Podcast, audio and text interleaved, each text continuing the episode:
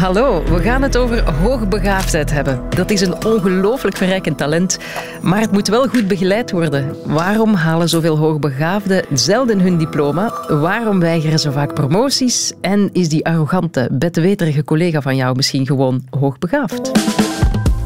Radio 1. Weet ik veel? Met Carolien de Bekker. Kathleen Venderiks, goedemiddag. Goedemiddag. Je bent hoofd van uh, Excentra VZ2, dat is het expertisecentrum hoogbegaafdheid in Antwerpen. En je begeleidt ook al twintig jaar hoogbegaafde kinderen en volwassenen. Hoe slim moet ik eigenlijk zijn om te kunnen spreken van hoogbegaafdheid?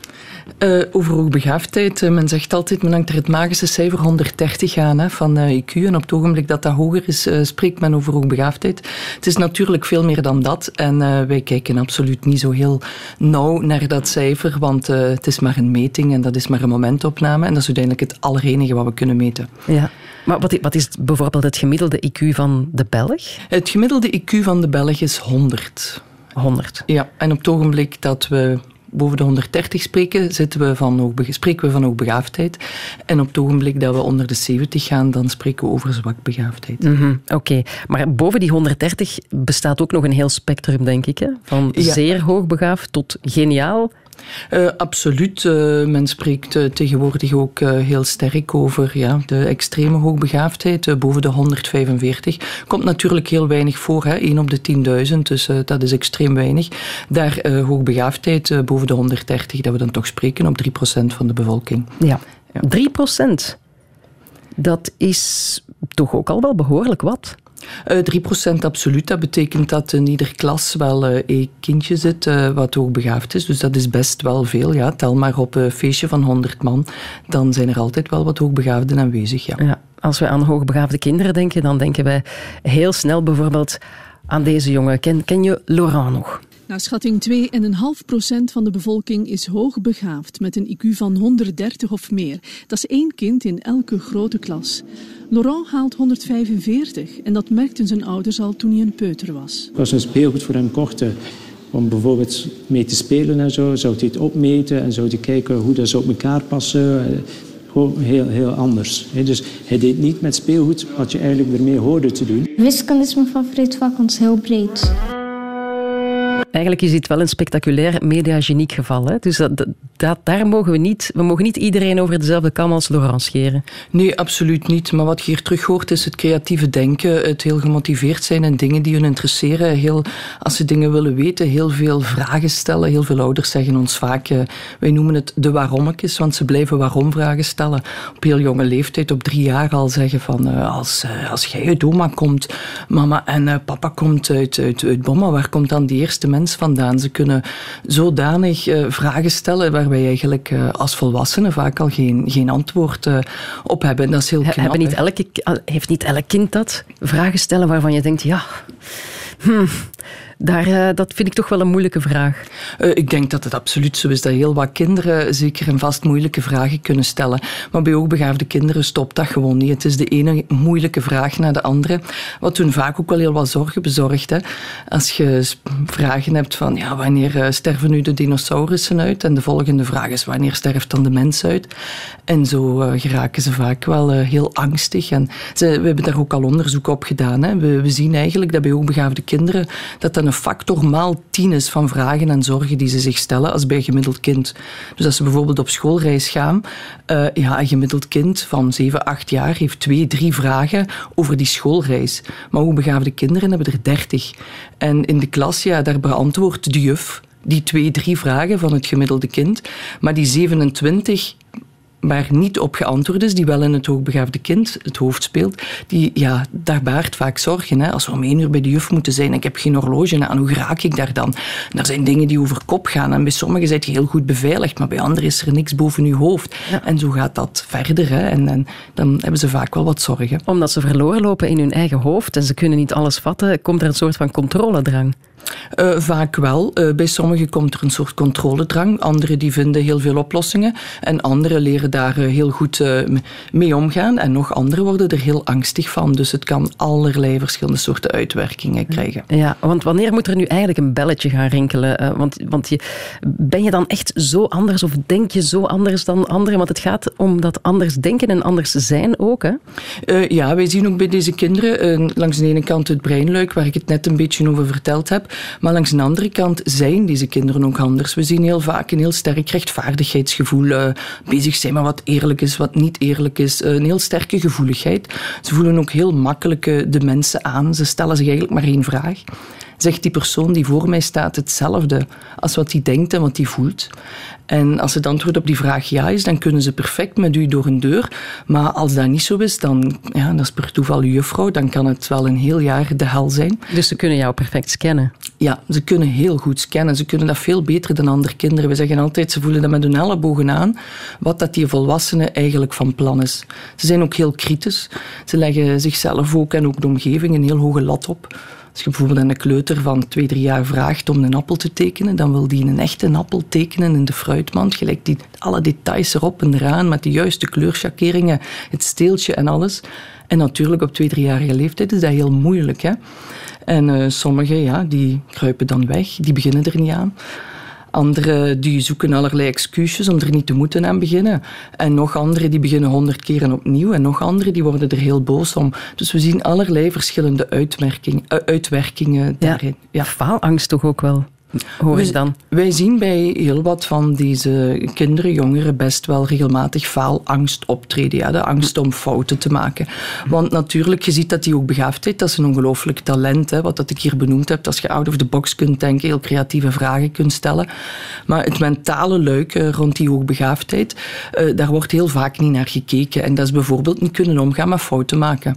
Dus als jij ongelooflijke prachtige ideeën hebt, maar je kunt niet zo goed om met fouten maken en je comfortzone verlaten, is dat heel moeilijk. Hè? Denk maar aan, uh, aan Kim Kleisters. Als die schrik zou hebben gehad om Roland Garros en Wimbledon binnen te gaan, dan zou ze nooit nummer één van de wereld geworden zijn. Dan was haar talent niet te zien geweest. Hè? Mhm. En die mentale sterkte is iets waar dat we bij hoogbegaafdheid uh, ja, heel fel op moeten letten. En ook als we, ja, daar zien we ze vaak ook op onderuit gaan. En dat is iets wat we van heel jongs af aan moeten kunnen, kunnen trainen en moeten aan werken. Dus dat lijkt mij heel erg nuttig om het al van jongs af aan te testen, om het door te hebben. Want, want veel mensen of, eh, hebben het niet door dat hun kind hoogbegaafd is. Een kind al natuurlijk helemaal niet. Absoluut, absoluut. Eh, zo jong mogelijk uh, ja, is het uh, best om het te weten. Het moet niet altijd getest worden. Hè. Als je in scholen zit, of juffrouwen, of leerkrachten, of ouders. En ja, je ziet het ook zo wel, het druipt er meestal wel vanaf. Maar is dat zo? Druipt het er meestal vanaf? Als je iets van hoogbegaafdheid kent, ja, dan zie je het heel makkelijk. Um, op het ogenblik dat je daar niks van kent, natuurlijk is het heel moeilijk. En daar hebben ouders het ook moeilijk mee natuurlijk. Want ze hebben geen referentiepunten. Als hun kind al heel vlot praat en al met moeilijke woorden spreekt, ja, voor hun is dat normaal. Hè. Ze beginnen dat pas te zien als ze eigenlijk ook andere kinderen bezig horen. Maar dan lijkt eerder het andere abnormaal dan het ene. ja. Dus vandaar dat testing toch ook wel uh, ja, heel belangrijk is om dat We hebben het nu over IQ, maar is het EQ, emotionele intelligentie, is die ook hoog? Uh, dat verschilt. Uh, dat heeft op zich totaal niks met hoogbegaafdheid uh, te maken. Het, het EQ, ik vergelijk dat altijd een beetje met sociaal zijn. Hè. Wij, wij zien jongeren die ongelooflijk sociaal zijn en die eigenlijk als ze een mopje vertellen en ze voelen van oei, mijn buurman begrijpt dat niet zo goed, die zich helemaal gaan aanpassen en die met hun ellebogen vanuit die grote gevoeligheid van hoogbegaafdheid perfect weten hoe ze dat moeten aanpakken en de volgende keer en ja, enorm goed kunnen vertellen en zo de feestmaker worden op ieder feestje. Maar we zien er langs een andere kant die het omgekeerde hebben, die ook dat mopje vertellen. En die dan het gevoel hebben van, oei, ze begrijpen mij hier niet, dat is niet zo leuk. En dan in een hoekje kruipen met een boekje en dat blijven doen. En eigenlijk heel asociaal worden. Mhm. En dat is hetzelfde met, met uh, emotionele intelligentie. Hè. Er zijn er die dat zo aanvoelen en ongelooflijk uh, ja, intelligent zijn daarin. En er zijn er anderen die ervan weglopen hè, en, en er absoluut zich niet in trainen.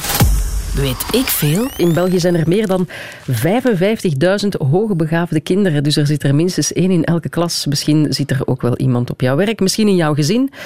En weet je het nog niet? Um, nu, wat kinderen betreft, Karwit heeft ooit een reportage gemaakt van de negenjarige Cedric. Karwit, dat is het uh, nieuwsprogramma op Ketnet. We gaan eens luisteren.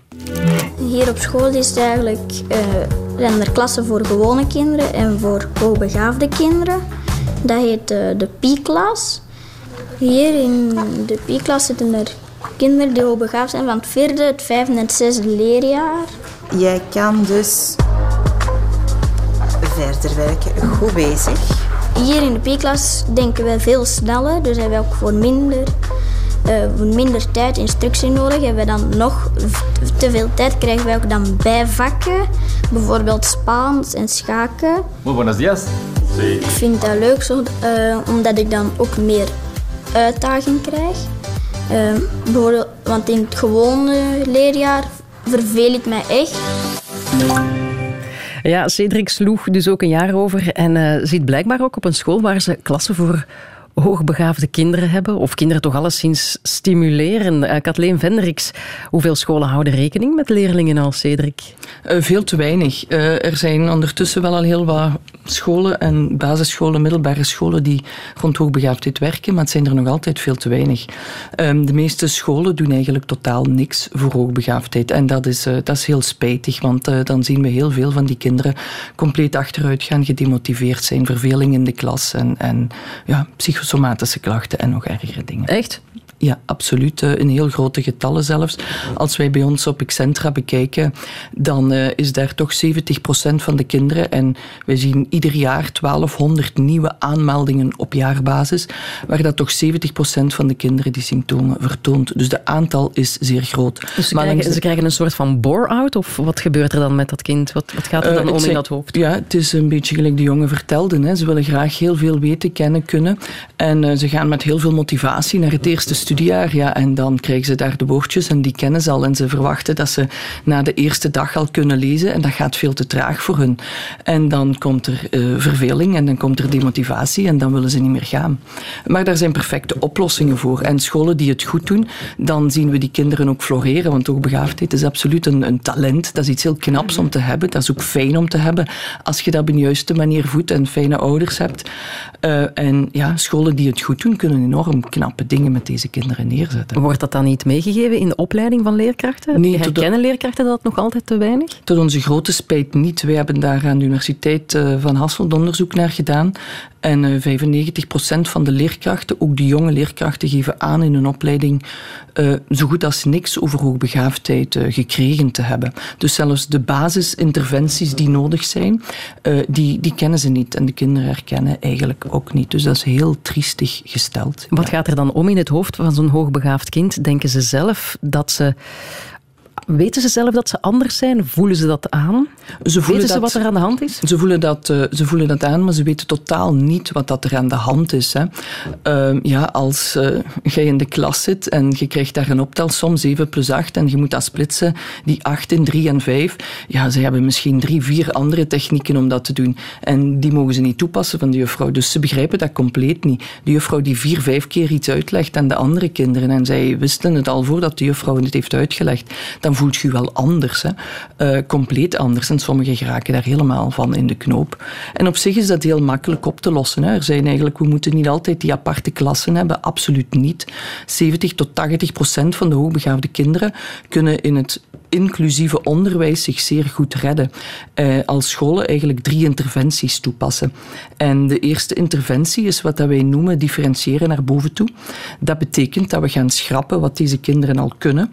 Daar krijgen ze, zoals in het filmpje ook verteld werd, minder instructie over. En dan krijgen ze gewoon veel moeilijkere dingen in de plaats. En die differentiatie naar boven toe, dat is niet alleen voor de hoogbegaafde kinderen, maar dat is voor 20% van de kinderen. Dus dat is voor mm vier, vijf kinderen in ieder klas. Het een kind krijgt dat voor taal, het andere voor WO, het andere voor Frans, het andere voor rekenen, in functie van waar dat ze sterk zijn. En, dit, dan, dit gebeurt nog altijd veel te weinig, wat je nu beschrijft. Ja, absoluut. Dit is, niet, uh, dit is geen algemene toepassing in uh, elke school. Nee, absoluut niet. En het is ook meer dan het driesporenbeleid wat men tegenwoordig in de scholen toepast. Het gaat eigenlijk een hele stap verder. En een tweede interventie die we dan toepassen is wat we noemen kangroewerking. Dat zijn die kinderen twee tot vier uren uit de klas halen. En daar, dat is dan effectief voor alleen de hoogbegaafde kinderen, voor die 3% die nog meer nodig heeft dan de differentiatie in de klas. En daar krijgen ze dan gewoon hele moeilijke dingen. Hè. Dat zijn dan projecten waarbij ze, dat ze toch wel eens drie keren een vraag moeten lezen, vooraleer dat ze weten wat er gevraagd wordt en waar dat ze niet onmiddellijk het antwoord op kennen. En een derde interventie is versnellen. Dat een jaartje overslaan. Zoals Cedric daarnet, ja. Ja. Ja, als we kijken, waarom gaat het nu zo slecht op school? 86% verveelt zich op school, 64% is schoolmoe, 43% heeft psychische klachten. Het wordt tijd hè, dat daar wat meer aandacht aan eh, besteed wordt. Die leerhonger moet echt gevoed worden, ze moeten gestimuleerd worden, want het, het zijn het zijn de talenten, zoals je daarnet zei. Absoluut, eh, dat is ook zo. Daar moet absoluut iets aan gedaan worden. En hetgeen wat we de laatste tijd in Vlaanderen heel veel zien, is dat scholen de gemakkelijkheidsoplossing van het versnellen toepassen. We krijgen heel regelmatig kinderen bij ons waarin dat ineens twee versnellingen worden voorgesteld. En dat, uh, dat is niet, uh, niet de beste oplossing. Hè. Versnellen kan heel goed zijn voor hoogbegaafde kinderen. Er zijn ook heel wat wetenschappelijke artikelen die aangeven dat dat goed is. Maar we moeten het wel bij de juiste kinderen toepassen, niet lukraak. Dat zou hetzelfde zijn dat we iedere hartpatiënt gaan opensnijden en allemaal overbruggingen gaan plaatsen. Dat zou ook geen goede zaak zijn. En dat is hetzelfde met versnellen. En uh, ja, absoluut zo. Een van de redenen waarom het ook um, zo moeilijk gaat op een bepaald moment, uh, is een kind heeft het misschien makkelijker in het lager onderwijs, dan gaat het naar het secundair onderwijs. En dan wordt het een beetje moeilijker, want het heeft nooit geleerd om echt heel hard zijn best te doen. Ja, dat is iets wat we heel regelmatig zien. Hè. Ze gaan vaak de richting Latijn doen. En bij kerstmis uh, moeten ze al 500 woordjes kennen. Maar om 500 woordjes te kennen, ja, dan moet je daar tijd in steken. En als je dat niet doet, dan uh, is de kans op fouten maken heel groot. En dan moet je zien hoe die kracht van die hoogbegaafdheid naar boven komt. Hè. Dan beginnen ze allerlei excuses te bezoeken, argumenten, om toch maar te mogen stoppen met die richting Latijn. Uh, um, Omdat ja. het niet goed met falen om kan. Ja, en niemand die eigenlijk. Komt er vermijdingsdrang. Ja, niemand die ziet dat het eigenlijk gewoon gaat. Dat ze niet beseffen dat iets bereiken tijd kost. En dat ze niet weten hoe dat ze dat moeten studeren. En dat ze niet om kunnen met fouten maken. En dat is heel spijtig, hè. Want in de verdere loopbaan krijg je dan nog dikwijls op je bord hè, dat je wel eens fouten moet maken en moet kunnen doorzetten. Dus dat ja. is eigenlijk spijtig, ja. Je bent niet alleen expert, je bent ook ervaringsdeskundige. En Kathleen, hoe uh, verliep jouw schooltijd dan? Uh, ik heb een uh, perfecte schooltijd doorlopen. ik heb drie diploma's en ik heb geen enkel jaartje overgedaan. Dus ik, ik zelf heb bij mijn hoogbegaafdheid, of ja, ik heb mijn eigen nooit getest. Het zal mijn cv wel uitwijzen dat ik hoogbegaafd ben. Maar je hebt geluk gehad met je opleiding en, en je omgeving die jou genoeg heeft gestimuleerd dan? Ja, absoluut. Ik had heel goede ouders die dat prachtig gedaan hebben en die mij naast mijn studies ook ik heb altijd topsport gedaan, dus uh, ik, heb, ik studeerde vijf minuutjes voordat de toets was, legde ik dat op mijn schoot en dan leerde ik dat, want ik, uh, ik sportte 24 uur per week, twee, drie verschillende sporten, allemaal op hoog niveau. Dus ik ben op heel veel fronten uitgedaagd geweest. En, en ja, ja want dat, dat topsport, dat vind je ook heel belangrijk. Uh, als je hoogbegaafd bent, dat kan jou wel leren om die discipline te kweken en, en te leren falen. Absoluut, dat is, dat is ook zo. Um, wij, wij zeggen dat dikwijls. Wij proberen altijd mensen te zeggen, je kunt kinderen stimuleren. Eén, in de schoolse context, maar twee, ook in de sport of in de muziek. Of, en het is daar, als die motivatie heel hoog ligt, ja, daar kun je leren omgaan met fouten maken, met je comfortzone verlaten, met, met je, je grenzen te verleggen. En, en dat vertaalt zich op, op latere termijn naar studies toe en naar alle andere facetten in het leven. Dus dat is heel belangrijk om, die, om eigenlijk het uitdagen van die kinderen op heel veel fronten te doen. Radio 1. Weet ik veel? Je luistert naar Weet ik veel. Het gaat over hoogbegaafd zijn. Er komt al een reactie binnen. Iemand zegt, goh, veel problemen mee gehad met mijn kinderen. En ik zelf wellicht ook. Ons onderwijs is erop gericht om kinderen die niet de mediaan halen naar dat niveau op te tillen. Wie er bovenuit steekt, die moet zijn plan trekken. Ja, ik denk dat veel ouders waarschijnlijk ook... Um, zich bewust worden van het feit dat zij hoogbegaafd zijn, omdat ze hun kinderen zien struggelen. Kathleen? Dat is absoluut zo, ja. Wij geven heel veel opleidingen aan ouders. Uh, we hebben nu ook vanaf vandaag trouwens een online opleidingsplatform uh, gelanceerd waarin zo'n oudercursus staat, hoe dat je ermee moet opgaan in de opvoeding. Maar heel veel ouders die dat volgen, die, die beginnen soms spontaan te wenen omdat ze zichzelf gewoon heel hard herkennen en dat ze zoiets hebben, goh, dat overkomt mij precies ook. En dat is eigenlijk zo'n puzzelstukje waardoor dat mijn leven nu ineens een andere betekenis krijgt. Ja. Mm Maar kan je zo eens een voorbeeld geven van hoe het er soms thuis aan toe kan gaan?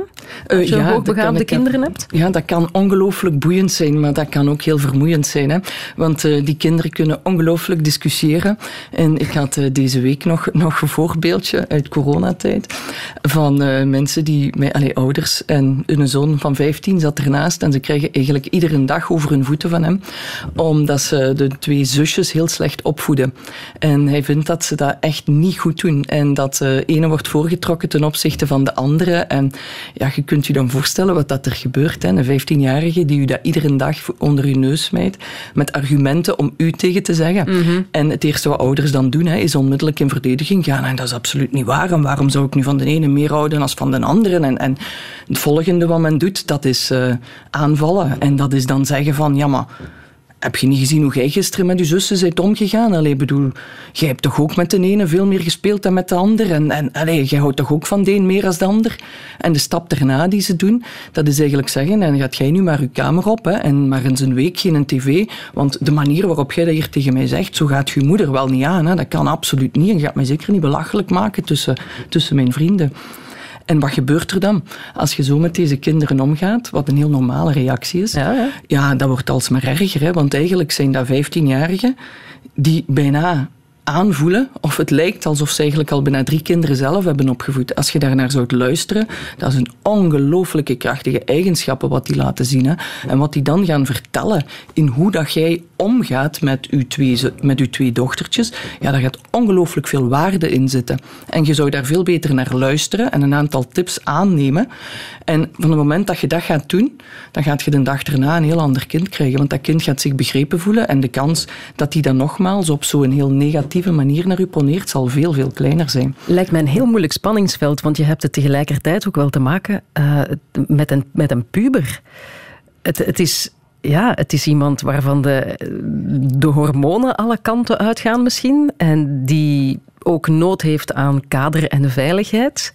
En tegelijkertijd jou ook overtroeft in kennis. Dat is absoluut zo. Het is een heel moeilijk spanningsveld. Maar wij, wij zien dat de mensen die ja, een beetje getraind zijn in hoe daarmee om te gaan. Eigenlijk, we horen dat heel vaak. Hè. Ze hebben gewoon een cursus gevolgd en na een maand zeggen ze: we hebben een ander kind in huis. Ook met zo'n pubers, gewoon door er op een andere manier mee om te gaan. En om heel eerlijk te zijn, dan wordt het een grote zaligheid. Want het zijn de meest zalige kinderen om op te voeden. Als je op 15-jarige leeftijd met die kinderen al kunt praten over wereldproblematieken, je kunt er ongelooflijk mooie gesprekken mee hebben. Dat is gewoon fantastisch. Maar het is een beetje een kunst om, om dat... Uh, ja, je moet wel de knepen van het vak kennen. Maar dat is heel makkelijk aan te leren aan ouders. Alles is kennis natuurlijk. Absoluut, alles is kennis, ja. Even terug naar die lockdown. Welk effect had dat op uh, hoogbegaafde kinderen? Uh, we zien dat we dat twee kanten zien opgaan. Uh, voor de meesten, om heel eerlijk te zijn, heel positief. Want op dit moment, allee, of tijdens de lockdown, konden ze in een versneld tempo door de leerstof uit. Ze hadden geen verveling. ze studeerden eigenlijk, als ze drie uur moesten studeren, deden ze het op een half uurtje. Dus dat was heel positief. Uh, heel veel van die kinderen die kunnen zich dan ook perfect bezighouden. Die hebben heel veel interesses.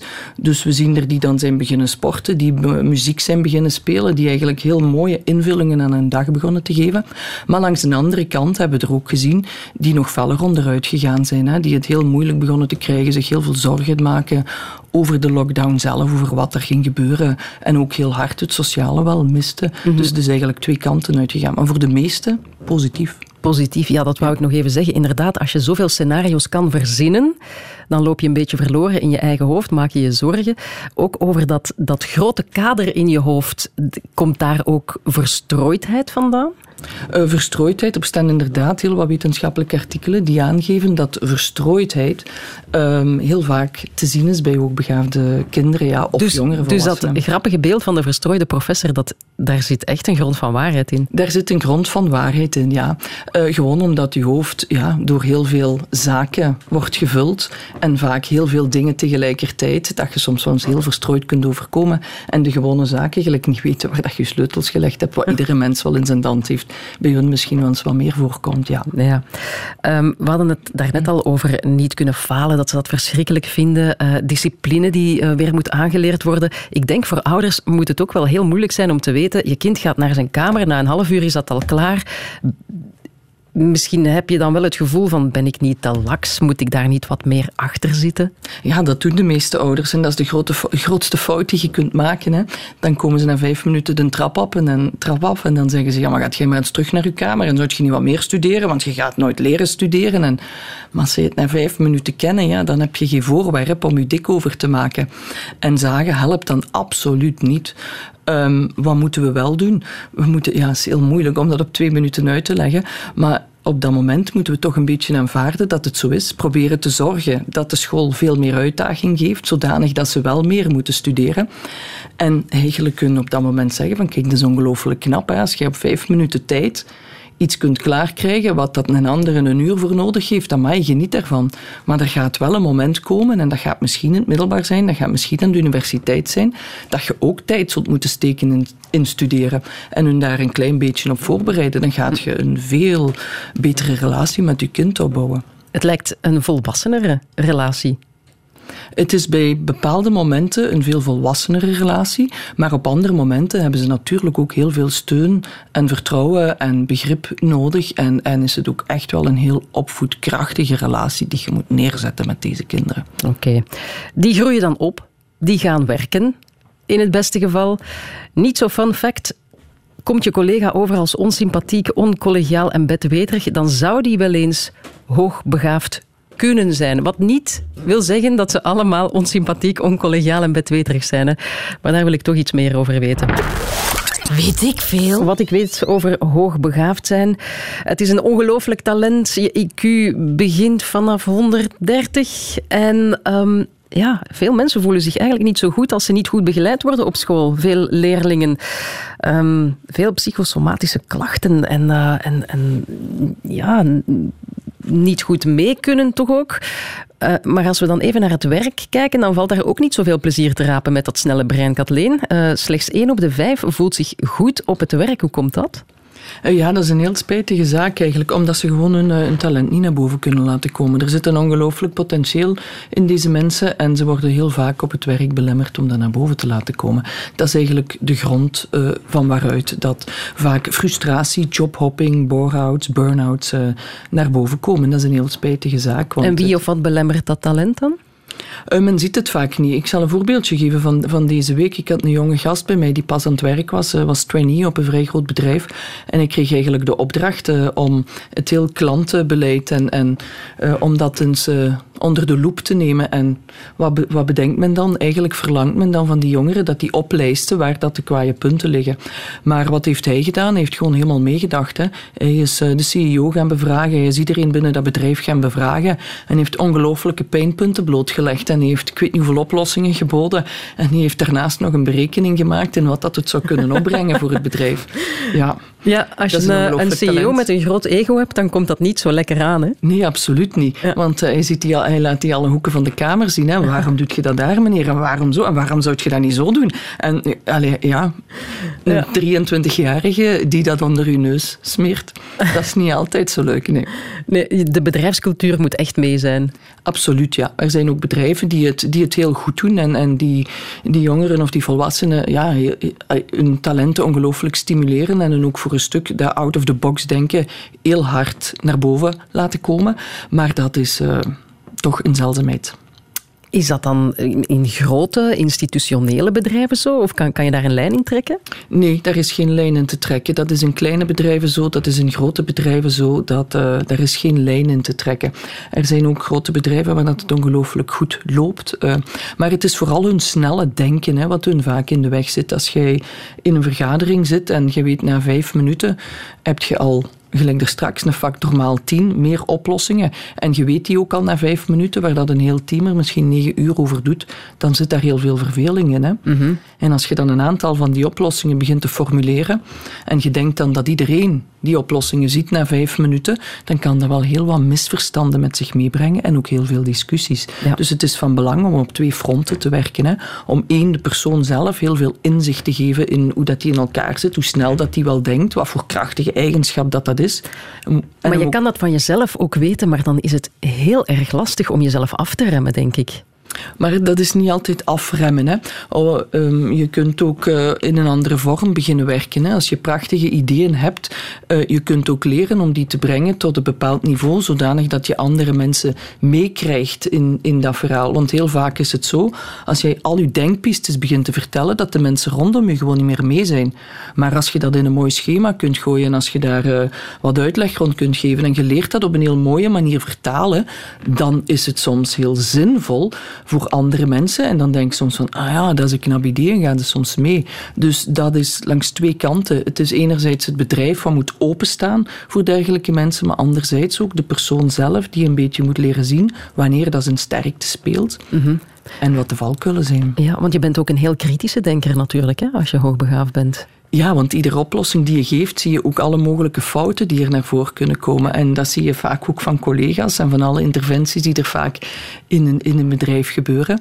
En dan kan je soms heel kritisch en ook wel ja, als om het in een lelijk woord te zeggen, maar als een etter overkomen. en dat is niet zo leuk. Hè? Dus dat is die, uh, die onsympathieke, oncollegiale, bedweterige collega. Nu, dat zijn ze niet allemaal, denk ik. Nee, absoluut, uh, absoluut niet. Hè. Ze kunnen ongelooflijk sociaal zijn en ook perfect aanvoelen wat dat er speelt. En we kunnen ook het, het omgekeerde plaatje zien. Hè. Ja. Dus het kan altijd twee kanten uit. Ja, want heel wat mensen met, uh, met hoogbegaafdheid hebben ook een laag zelfbeeld op de werkvloer. Hoe komt dat dan? Ja, eigenlijk is dat ook heel logisch. Hè? Als jij in een vergadering zit en je begint je ideeën te spuien en je krijgt eigenlijk het gevoel dat de mensen rondom u uh, ja, niet mee willen, want dat is vaak het gevoel wat dat ze krijgen. Ja, dan begint je heel hard te twijfelen. Hè, van, oh, is dat wel juist wat ik zeg? Misschien is dat al helemaal fout. Komt vaak een heel grote onzekerheid. En ze voelen dan ook vaak geen begrip. Hè, als ze dan uh, dingen heel fel aanvoelen. Gelijk bijvoorbeeld een sfeer of, of een opmerking die er gemaakt is, dan krijgen ze daar niet altijd het juiste begrip voor. Mm -hmm. uh, ja. Maar dan toch, je kan dan weinig begrip krijgen, maar 72% van de hoogbegaafden weigeren promoties omdat ze denken dat ze het niet kunnen. Ja, dat is uh, een heel zwaar cijfer, hè, uh, wat we zien terugkomen. En dat is simpelweg begint vanuit de kindertijd. Hè. Als jij naar het bord kijkt en je moet uh, gewoon maar kijken en je maakt 10 op 10 en je krijgt 10 op 10 op een toets en je moet daar niks voor doen. Dat is daarna hetzelfde. Hè. Dan zit jij gewoon van naar iets te kijken en dat te kunnen. Dus komt daar ineens een heel moeilijke opdracht of een promotie, ja, dan ziet jij onmiddellijk dat en dat en dat ga ik niet kunnen en je denkt, oei, ik ga er helemaal niet aan beginnen. En dat zien we heel vaak terugkomen bij die hoogbegaafden. Ja. Dus hun comfortzone verlaten is vaak heel moeilijk en dat is zo spijtig. Want het is dan pas dat ze gelukkig worden. Inderdaad, het is heel spijtig. En het is ook een gigantisch talent dat je in je, in je bedrijf hebt. Dus uh, dat ja. kan je alleen maar stimuleren. Maar je moet, het enige wat nodig is, is natuurlijk kennis. Uh, dat heb jij gebracht het afgelopen uur. Heel, dat is kill your darling, zei Kathleen, dat weet jij ook. Hè. We hebben maar een uur. Um, maar we gaan toch eens kijken of we het allemaal goed begrepen hebben. Om het niet op zijn Piet Huizen te doen van wat hebben we nu geleerd. Uh, gaan, we gaan het toch iets amusanter doen. We gaan er een quizje van maken. Radio 1. Weet ik veel? En nu begin ik toch een klein stressje te krijgen. Want nu gaan we eens testen wat we er allemaal van opgestoken hebben. Katrien, Katrien, Kathleen Vendricks. Allee, shoot. Vanaf welk IQ spreekt men van hoogbegaafdheid? Ja, dat was 130. Maar hoogbegaafdheid is natuurlijk veel meer dan een hoog IQ. Welke eigenschappen spelen nog een rol? Uh, gevoeligheid, um, um, creativiteit, creativiteit. motivatie, rechtvaardigheidsgevoel, kritische instelling. Ja, goed, ik zal mezelf al fout. Deze was niet uh, goed genoeg. Welke personen zijn in het leven van hoogbegaafden van ongelooflijk belang naast de school? De ouders. Absoluut. Wat gebeurt er als we de leerlingen niet genoeg uitdagen? Dan krijgen ze een bore-out, dan uh, krijgen ze een laag uh, zelfbeeld, dan uh, slinkt de motivatie. Prima. En wat is een kangoeroeklas? Een kangoeroeklas is waar je um, mensen samenzet met een verschillend IQ, die dan worden uitgedaagd. Nee, nee, nee wacht. Je Heb jij dat besproken, een kangeroeklas? Ja, dat heb ik eventjes besproken, ja. Is dat de klas die je wordt apart genomen met mensen die uitgedaagd willen worden? Ja, en je ja, krijgt dan ja, extra schaaklessen en Spaanse lessen en zo. Ja, niet al moeilijke zaken vooral, ja. Moeilijke zaken. Ja, zodanig dat je moet nadenken en dat je zijn vraag drie keer moet lezen. Dus dat was heel juist. Voilà, kijk, vier op vijf. Ik ben erdoor. Kathleen Ja. Vendricks, dank je wel om eh, eh, de tijd te nemen om dat krachtig talent dat hoogbegaafd zijn is toch bloot te leggen. Bedankt. Weet ik veel? Dit was Weet ik Veel over hoogbegaafd zijn. Hopelijk ben je er toch een beetje een begaafder mens van geworden. Nu heb je nog vragen? Mijn gast Kathleen Vendricks heeft een expertisecentrum voor hoogbegaafdheid en dat heet Excentra. Ze begeleidt ouders en kinderen met hoogbegaafdheid. Deel deze podcast gerust ook met de anderen en check ook nog onze andere Weet ik Veel onderwerpen. Dankjewel.